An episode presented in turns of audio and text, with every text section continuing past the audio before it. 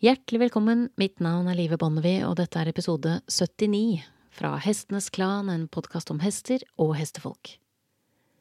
Doktor Gerd Heuschmann er veterinær, berider, foredragsholder og ikke minst kjent som forfatteren bak boken Tug of War, Classical versus Modern Dressage fra 2007. En internasjonal bestselger som tar for seg hvorfor trening basert på klassiske prinsipper virker, og ikke minst utdyper hvor negativ effekt det kan ha på hestens helse og velferd om den ikke blir ridd korrekt. Gert er en produktiv mann, men tittelen jeg har bitt meg merke i, er DVD-en hans fra 2009, I Forces Good Speak, der han inviterer oss til å se på hesten fra innsiden, og Balancing Act fra 2012, der han tar for seg hester brukt i sport og utfordringene med å hindre at konkurransehester lider overlast. Og boken Collection or Contortion, altså samling eller fordreining, direkte oversatt, med undertittelen Exposing the Misconceptions and Exploring the Truth of Horse Positioning and Bend. Det ligner et kall, tenker jeg, når man er så produktiv som ham, og i snitt tilbringer fem av ukens syv dager på reisefot og underviser over hele verden på 25. året. Jeg møtte Gert på en klinikk på Vinterbro for å ta pulsen på hvem han er, og hva han er mest opptatt av akkurat nå.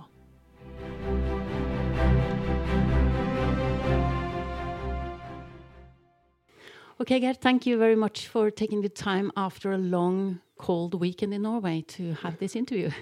Yeah, of course, you're welcome. I apologize for this being November. It's very moist in the air, so it's uh, it hasn't been the warmest of weekends, I would say. Yeah, but we made it. yeah, I'm glad. So, um, you spend, you said, an average of two days at home, and the rest of the days you travel the world and uh, teach. Yeah. So uh, you need passion and a really strong engine to have that kind of life.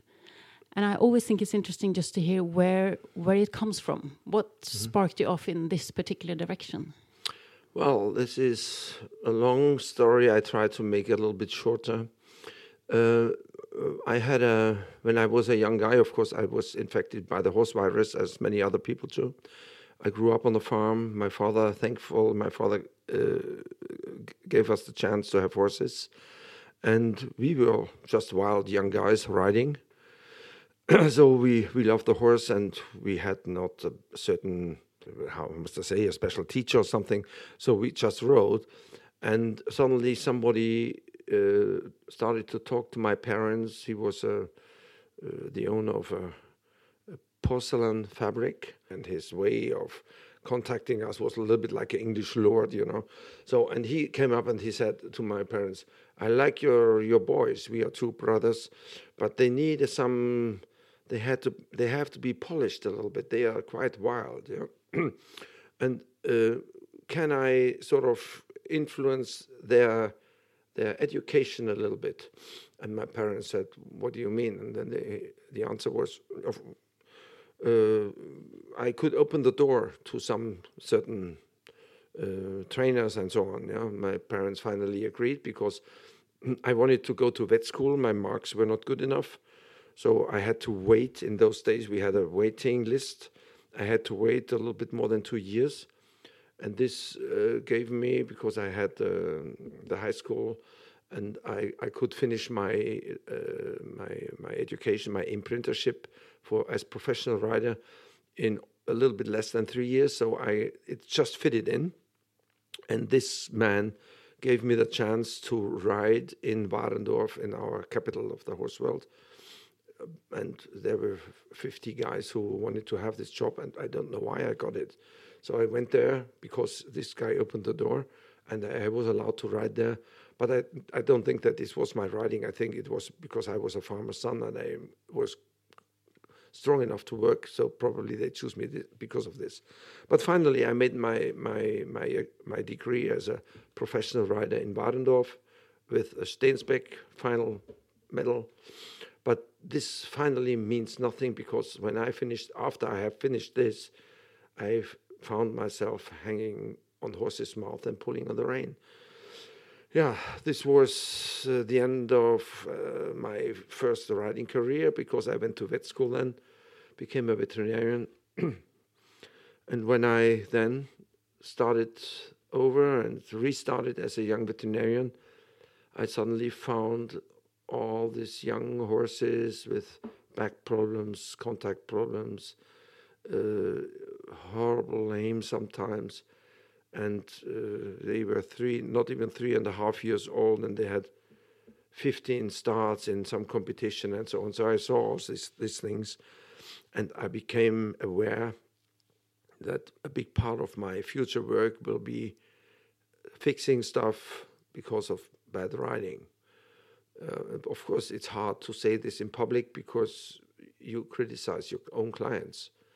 And um, at the beginning, of course, you shut up and you just do the job and you want to find the leg which is lame and you want to find the joint and you want to diagnose and you want to be the best uh, diagnostic uh, doctor and so on. And after a while, I realized that there's a big amount of lameness cases you cannot really truly uh, diagnose with the veterinarian equipment, even not with the fancy stuff.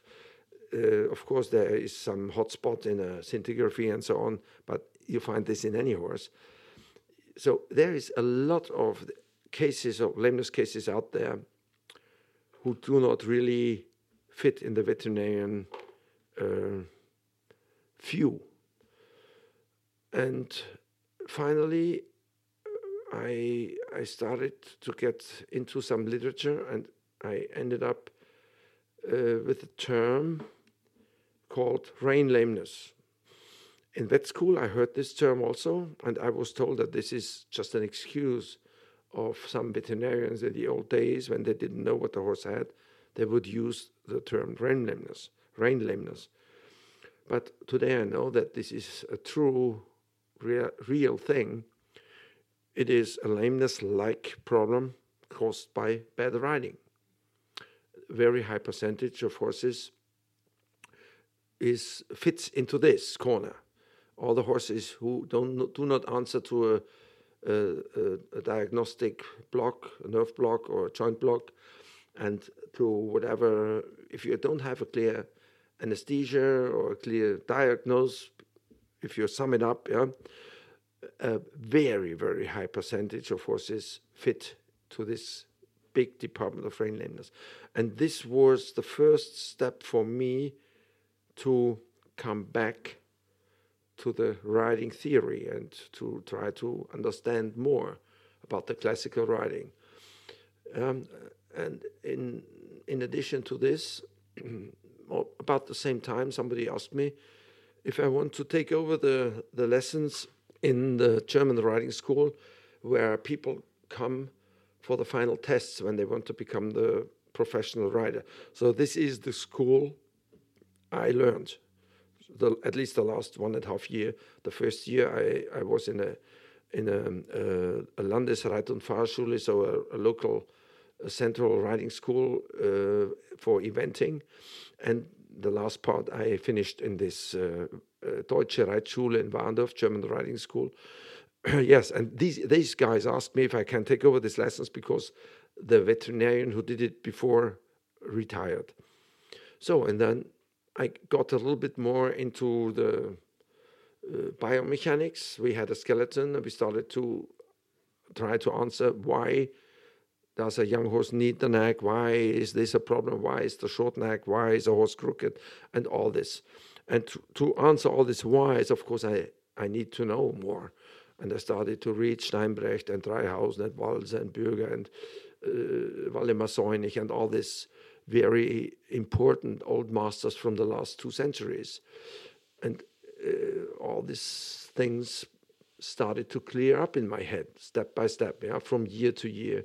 You understand more. Suddenly you know why a, a curled neck causes a running horse or a lazy horse. Why uh, a horse you pull the neck to the side or you pull the neck up um, causes damage in the back. So all these things fall apart. And the more it became clear to me, the more I started to, yeah, to use this in my practical work as a veterinarian.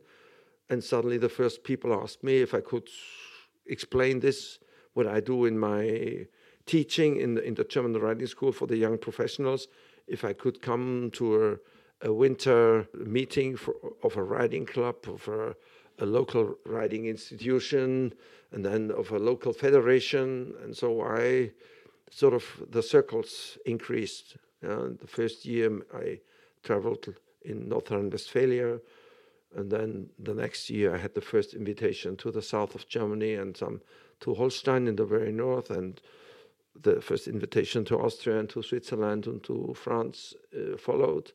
And so a few years later, I was in every place in Europe, and then the first invitation to America came, and so yeah. Since then, it's almost yeah more than 20 years now. I travel all around the world trying to explain why classical riding is the way to a soft horse, and why classical riding is animal welfare, animal protection number one. The sad story is, it's not very easy to learn. It takes long, long time. You point out that the classical tradition is uh, a key element to preserve uh, horse welfare.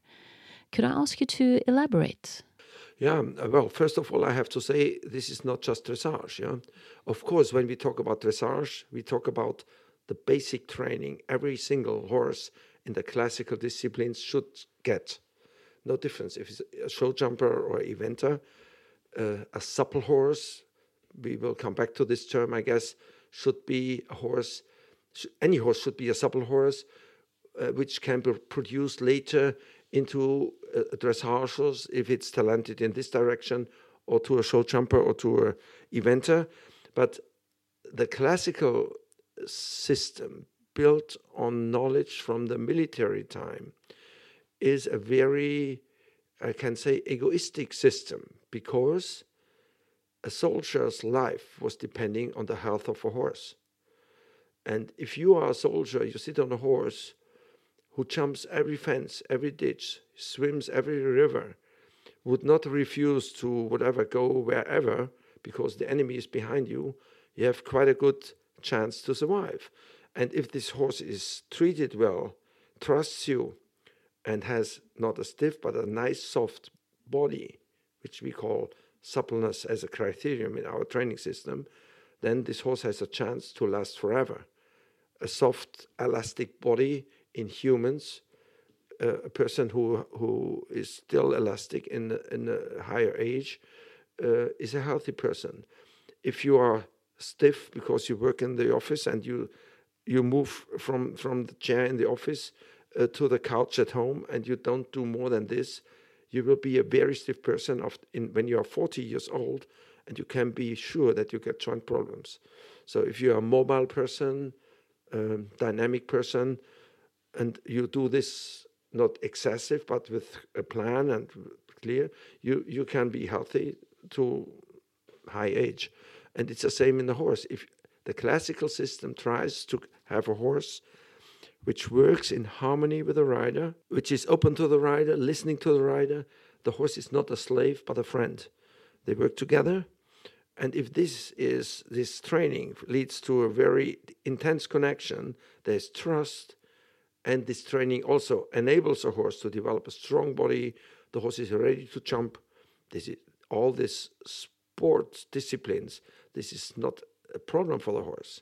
It's only a problem if you try to shortcut the training, if you try to make the horse do things, if you force the horse, then either you get in trouble and the horse starts to fight you as a rider, you might also get in trouble, or the horse breaks. Yeah, it can be dangerous, and it can be a mixture out of both. And bad riding, wrong riding, forcing riding, the wrong idea about training destroys horses. This is the shortest way you can say it. And this is what I I don't want to be part of an industry. I don't want to be a guy who just repairs horses, like a person repairs cars. You drive the car the car against the tree and you repair it. You can take it and drive against the tree again. Nobody has pain. If you have enough money, you can do it every day. But in a horse, there is a living creature, and we are responsible for it. And so we should try to do a good job. So, one of the aspects we've been talking about this weekend is pulling. pulling on the reins and and kind of shaping the horse from the mouth by really, you yeah. know, um, which is really the opposite of what you teach. But uh, I find it very interesting that you talk about the art of giving. Yeah. And also interestingly enough, we had an in quite a few horses um, in the arena today that were kind of shy of the people sitting there. Yeah. And you say give reins instead of hold. And if you have a horse who is really, you know, the speed or the tempo is too high, you don't say pull the rein, you say give. Mm. So can you elaborate a bit because I thought the results you got from these specific occasions during this uh, this weekend was really really interesting to see because yeah. it was a huge difference in the horse and the rider as well. Yeah, well, this is a very um, obvious and clear thing. if you understand the horse as a horse, and we all should know that we work with a flight animal. Yeah, so they have a, a completely different um, uh, inside. I, I, always call it a, a, different software program. They they uh, meet a predator, and their their survival program says run, and um, the the physical symptoms of this survival program is physical tension. So the, the big muscle groups in the back, in the top line, in the croup tense, and the horse is ready to go. This is the flight program. So if you, as a rider, put some tension in the horse by the wrong idea of contact and so on, all this wrong, a stiff seat, a bouncing seat, um, the horses brace as if there is a predator on the back who wants to eat him. And this causes a big physical and a as a result, a mental tension. You sort of press the button, flight, be ready to flight, to fight for your life. You activate the sympathicus. Yeah? And what I learned is that the fascias have just sympathetic nerves. So you activate the whole sympathetic nerve system.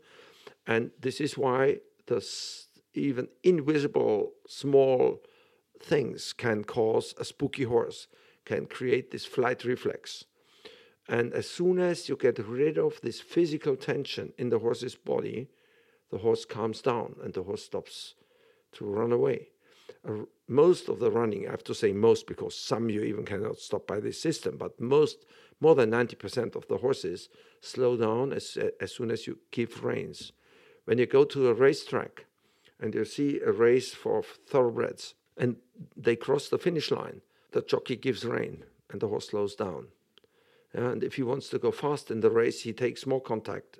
He takes a, a stronger contact and the horse speeds up.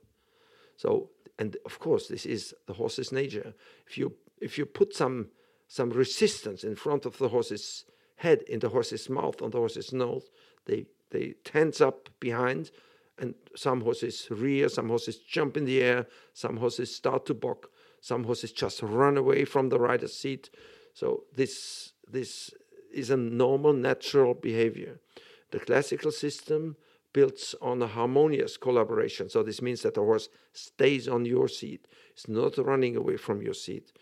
It is like ballroom dancing. Yeah? You, if your partner runs away from you, you have no chance to get a swing with him. So you, if you have to hold him all the time because he wants to escape, yeah. So it's a very good comparison. A, a well-trained horse is not lazy and behind you, and it's not running away from you. It's just with you. And if, if you give a soft impulse with with a clear, soft leg aid, the horse goes forward, but it's not in a way that the horse wants to get rid of you. You just speed up and you are with the horse. And this is the key thing. And a contact is something you finally get. You, you offer something, your horse, your hand is there, and you offer the bit and you tell the horse, hey, here's my hand. You like it? There's also a question behind it. And your, your soft seat and your legs tell the horse, hey, go there. And uh, as Steinbrecht says in his book from 1884, Gymnasium of the Horse, the horse should fall in love with your hand. And this, a, a well trained horse loves your hand. It's a wonderful a collaboration between hand, rider's hand, soft hand, and horse's mouth. This is a contact, yeah? and this is not contact is not making a horse do this or that or or flexing a horse's paw by pulling on the reins. As soon as you do this, you will never get a contact. Yeah? If you if you if you pull a horse's head down, there is not a single chance to get a classical contact with a swinging back. You cannot straighten your horse, you cannot collect your horse, you cannot train a horse by force. So the use of draw reins you also mentioned today. uh, speaking of of yeah. force, um, you said something I, I found very interesting that if if they are misused at an early age of the horse's education, uh, there are patterns that would tend to stick in the horse's body forever. Yeah. So number one, if you are good enough, if you are really a master in the saddle, and you could use draw reins, you don't need them. And if you need them, you should not use them. So there's one thing clear. In my eyes, this is absolutely an animal welfare issue. If you use draw reins, you abuse an animal because riding is forward and draw rein is a brake. And if you use a draw rein to keep, to hold a horse's head down, or even worse, to pull it down, you destroy this animal. In my eyes, and I will fight for this in the future, this this should be forbidden, as it is, is already the case in Switzerland. In Switzerland, it is in law, it's a, a law, official law, that if you use a draw rein, you get punished for it and in the worst case you get uh, you lose the allowance to have a horse so this should be punished this is as if you abuse an animal.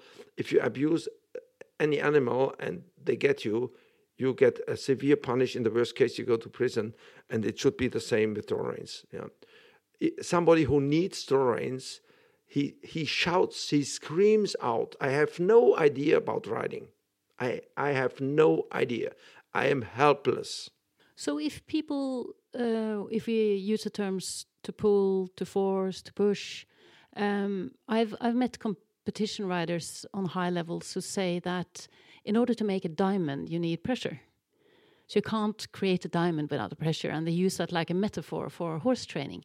What would be your perspective? Uh, when you have a running horse who let's like I, usually it's the remedial horse the horse who, who's coming out of wrong training a stiff horse you ride him and he runs away from your seat you have to use your hand for a second and tell him stop stay here and in this moment of course i have maybe 10 kilograms in my hands because the horse is stiff and he really runs into my hands but as soon as the horse stops i give him a big thank you give the reins, and he says, Oh, no need to run away again.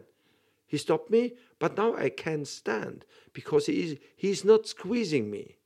So, this is an approach you can use to correct those horses. So, I don't, what I want to say is there are situations you have to touch this horse with a really clear hand or leg because they are stiff. But the goal is that you ride your horse with let's say, the softest aid ever in your hands. And as Oskar Maria Stensbeck said, 1935, I think he published this book, I love to ride my horses with the breath of a trousers. So a horse can feel a fly. And the diamond, the nice, elegant swing, is something you, you should get out of the horse's hind legs.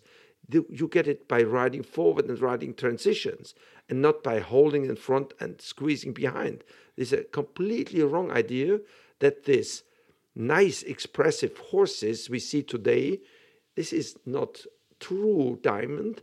This is a this is a glass diamond because this is a horse under pressure. The swing, the passage trot, is a result of a stiff back and not out of a elastic, soft, strong haunches. So the suspension, if you see a passage where the hind leg stops in the air and then steps on the ground, you can give a zero or a two or a three in the protocol as a judge because this is a 10 step and not a passage. In a passage, the hind leg is round and f- floating higher and a little slower, but it is not stopping in the air. Yeah. So what they call diamonds, these are stiff horses, and uh, let's say 90%. There we have some really wonderful riders, but this is the minority. The majority makes horses do things. This has nothing to, to do with classical riding. Nothing. But if they if they compete in, for example, dressage, they get quite high scores still. I know. But uh, we talked also about the rules, and the rules are pretty clear. Yeah. But they don't seem to be what uh, is- interpreted right or followed. this exactly is the point that um, we have when you read the FEI rules. This is wonderful. Yeah? You, you you would sign it immediately. Perfect rules, harmonious training, naturals, natural impulse. All the right terms are in these regulations. But the problem is that they got used over the last years, of the last, I would say maybe from the, it started in the 70s, 80s last year, uh, last century. We got used to the wrong way the horses move, uh, the wrong outlines, too high, too short necks, back down, no active hind legs anymore, very lazy, dragging hind legs. The horses are not bent anymore. Yeah, they, they pull next to the inside, the horse's neck uh, to the inside and call this bend. This has nothing to do with the bend. Bending is the whole body from the poll uh, to the tail, and it is not uh, neck inside and a stiff trunk. Make the horse move lateral. This is not a half pass. This is leg yield with a crooked neck. So the whole system became a lie. Yeah, we have a few t- I think, who know and who see it, but they have they only have two choices: either they howl with the wolves, or they stay at home. Because the industry, if they speak out and they say the truth, they have to stay at home. This is a closed circle, and they they don't allow any any criticism. I tried many years. They hate me anyhow, so I can't speak out. And but I for it's so sad because I fear that one day from outside somebody will give us regulations. In the worst case, we have to stop riding horses because there is no reason why we should abuse any animal in, an, in a cultivated culture. And in some cases, it is abuse. Yeah? And if not in public, then sometimes at home. And many people know, but nobody dares to say it. And if we don't clean our own kitchen, somebody will do it for us. And maybe these are not experts, and then we lose our culture of riding. This is not culture making a horse do some 10 steps and call this passage. This is so sad that we see all this. You also, speaking of um, you know regulation coming from the outside, you also mentioned a survey that I found rather interesting, where where people were asked in the audience to to judge the horses that they saw uh, in the arena. Yeah, yeah. uh, When uh, it happened in Aachen that they they asked uh, uh, auditors who were no horse people, not involved, which rides they would they like and which rides they don't like. And interesting wise, these people, most of the majority said the harmonious rides look the best, and the the fancy and showy uh, presentations they dislike it. And this was interesting for me because, of course, many people think when uh, a famous black stallions, stallion take his, takes his front leg up to the lower jaw, uh, this is good. Or some some gray horses, uh, 2006 in in Aachen in the World Equestrian Games, uh, trot in a passage trot from. there's not a single normal trot step. Um, this is not trot. This is stiffness. Yeah, but uh, the judges give eight and nine, and nobody knows why. And everybody knows these horses break. They break down on the suspensories. They, they you destroy the horse's orthopedic health, and nobody says anything. The whole industry accepts it. Of course, the veterinarians live from from it. I I lived also from it, uh, but and everybody knows that this is the reason is this way of training, but the whole industry makes money with it, and this is not honest. And uh, you said, to quote what you said during the clinic, that money is poisoning the industry, Yes, of course. which is really also my, uh, you know, what it looks like from my end. Yes. That that money is is more important, and it also then becomes the driver to take the the shortcuts because classical riding is not the shortcut. Yes, a young horse should be a young horse, a kindergarten, uh, elementary school animal, yeah? neck down, nose forward, not spectacular. But as long as the industry finds people who, who give incredible amounts of money for, for three year old potential dressage horses, of course, some young people try or some trainers try to make these horses in the age of three years look like a 10 year old Grand Prix horse and uh, try and, and, hold and kick and push. And of course, if they get a few hundred thousand euros for a horse like this, uh, then maybe I can understand why these people do this. But we all know that only very few of these horses survive this. Yeah, most of the horses break on the trip to become an adult dressage horse. And time has come that federations say, no, stop it. We don't want to see this. We don't want to see this on an auction. We don't want to see this on a an, on a competition. We want a three-year-old with a deep neck and a nose forward, and we want to see trot and not passage uh, flying front legs. Yeah, but we we got used to this. Yeah, and uh, I think somebody has some federation has to be the first to say we stop this now.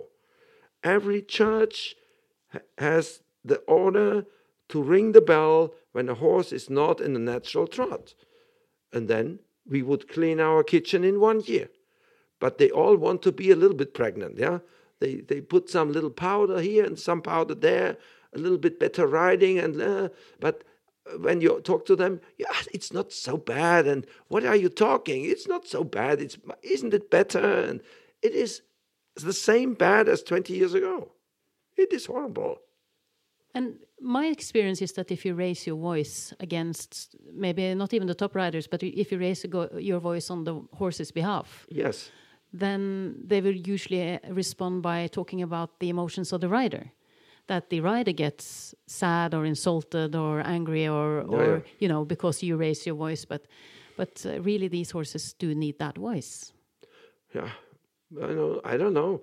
Uh, of course if you are alone you you can take all the criticism and you're an idiot and you have no idea and they come up with my photos from my Friesian. When i sat on a, a, a horse for correction i really stopped him because it was running in my hand and this photographer pressed the button but she did not publish the, the photo when the neck was down and the nose was forward. This was a remedial situation, and I said, you have to take a step forward, how it is, if you want to fix him. But uh, yeah, so they, of course, they they don't take the criticism. They start to defend. They say, yeah, this guy is he's not better than the others. Of course, I was pulling on the reins twenty years long myself. I made all these mistakes. Well, weren't we all taught to make these mistakes in riding schools, to be honest. Yes, yes. When when I until I became a young bereiter, uh, I would hang on the horse's reins, and uh, I had no idea how to get a horse in balance. But there is the knowledge, there is the information. Every I think every riding European country has a, a culture and literature. In Germany, I can tell you, we have books over and over who can give you information how you should train a horse. But of course, ask how many high level people in our in our uh, federation uh, on the highest level in the competition did reach Steinbrecht or or maybe uh, Waldemar Seunig or something like this. Yeah, I think you will not find five. You think that it's that bad? Yes. Yeah, so where to start? Yeah, ask, ask them. Yeah. I don't think you will find anybody who really knows it, who, who read all these books. It starts to know. And of course, I know how difficult it is to, to correct a bad rider's hand. If you, get, if you get used to hang on the reins and the horse takes the nose up and your hand goes down. I, I was fighting my own bad hand many, many years. It is not because you're a bad guy, it is a reflex. I know how difficult it is. So it is not, uh, you, you are not necessarily a bad person if you do this. But the first step is always you have to realize this is a problem and I want to change it. It is, of course, difficult. And because I think a reason why many people get, get stuck in this wrong idea is the, the right way to turn your, your, what you do is very, very, it takes so long time. if there was a quick fix, I think many people would change. Yeah. But there is no quick fix. It takes long time to get a good hand. And equally long time also to educate a horse. Yeah, of course. Yeah, but of course you can teach a, a horse in five, six years, maybe to Grand Prix. But if- even in the correct system, but you, but first you have to get rid of your wrong habits. If a horse takes the nose up and you pull it down immediately without giving the horse one second, the horse is behind the bit again, and then you take 10 kilograms, hold it, and think this is a contact. This has nothing to do with classical riding. Yeah, this is forcing a horse into a frame and pushing it through a test. This is not dressage. Horizontal balance is also a keyword from this weekend. Yeah, well, this is, I, I, I call this this is the the the kindergarten and the elementary school. Um, horizontal balance in our classical system. Um, this is the first three points in the training skill: a rhythmic horse, a supple horse, and a horse in a good contact. Yeah, rhythm, suppleness, contact, and this means that your horse stays with the seat, allows the, uh, the rider to swing into his motion rhythmically, send the horse through a soft swinging back suppleness into a soft contact. The side effect is that the horse's rib cage is coming up. We call this self carriage. Yeah, the horse's shoulder blades open up and the horse's rib cage comes. The neck drops to about withers level. The horse starts to take both reins. The horse becomes straight.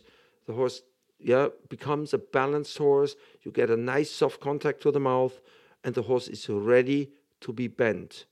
Yeah, when you read the old masters, you read, we don't bend a horse in the first year. When you travel around, they hang on the inside rein on the first day. Yeah, and think bending is pulling a horse's neck to the side. And also thinking that it's good for them. Yeah, yeah, bend. yeah. This is what they think. Steinbrecht says, never bend the neck more than you're able to bend the trunk. So, if if you have the neck inside, because the horse falls inside, or even worse, you pull it inside, you are out of the business. You get an unbalanced horse, and uh, this horizontal balance is a is a, a term which sort of indicates that the horse takes the rider's weight as a dance partner, yeah, not as a backpack full of stones, bouncing in the back and pushing. So you swing with your horse. There's a supple rider, there's a supple horse, and you swing together. And your tone in your seat tells the horse to slow down or to go. And uh, this is a harmo- the horse and the rider became harmonious. This is a synonym of balance. You talk about a lack of horizontal balance, you have to state that a sh- too short neck, or if you bend the neck to the side, you pull the neck up, you pull the neck down, you lose the back. So if you give an, any artificial position because of you are a French god or you are a German or a Dutch specialist with nose in front of the chest, if you pull a horse's neck somewhere because of, you are out.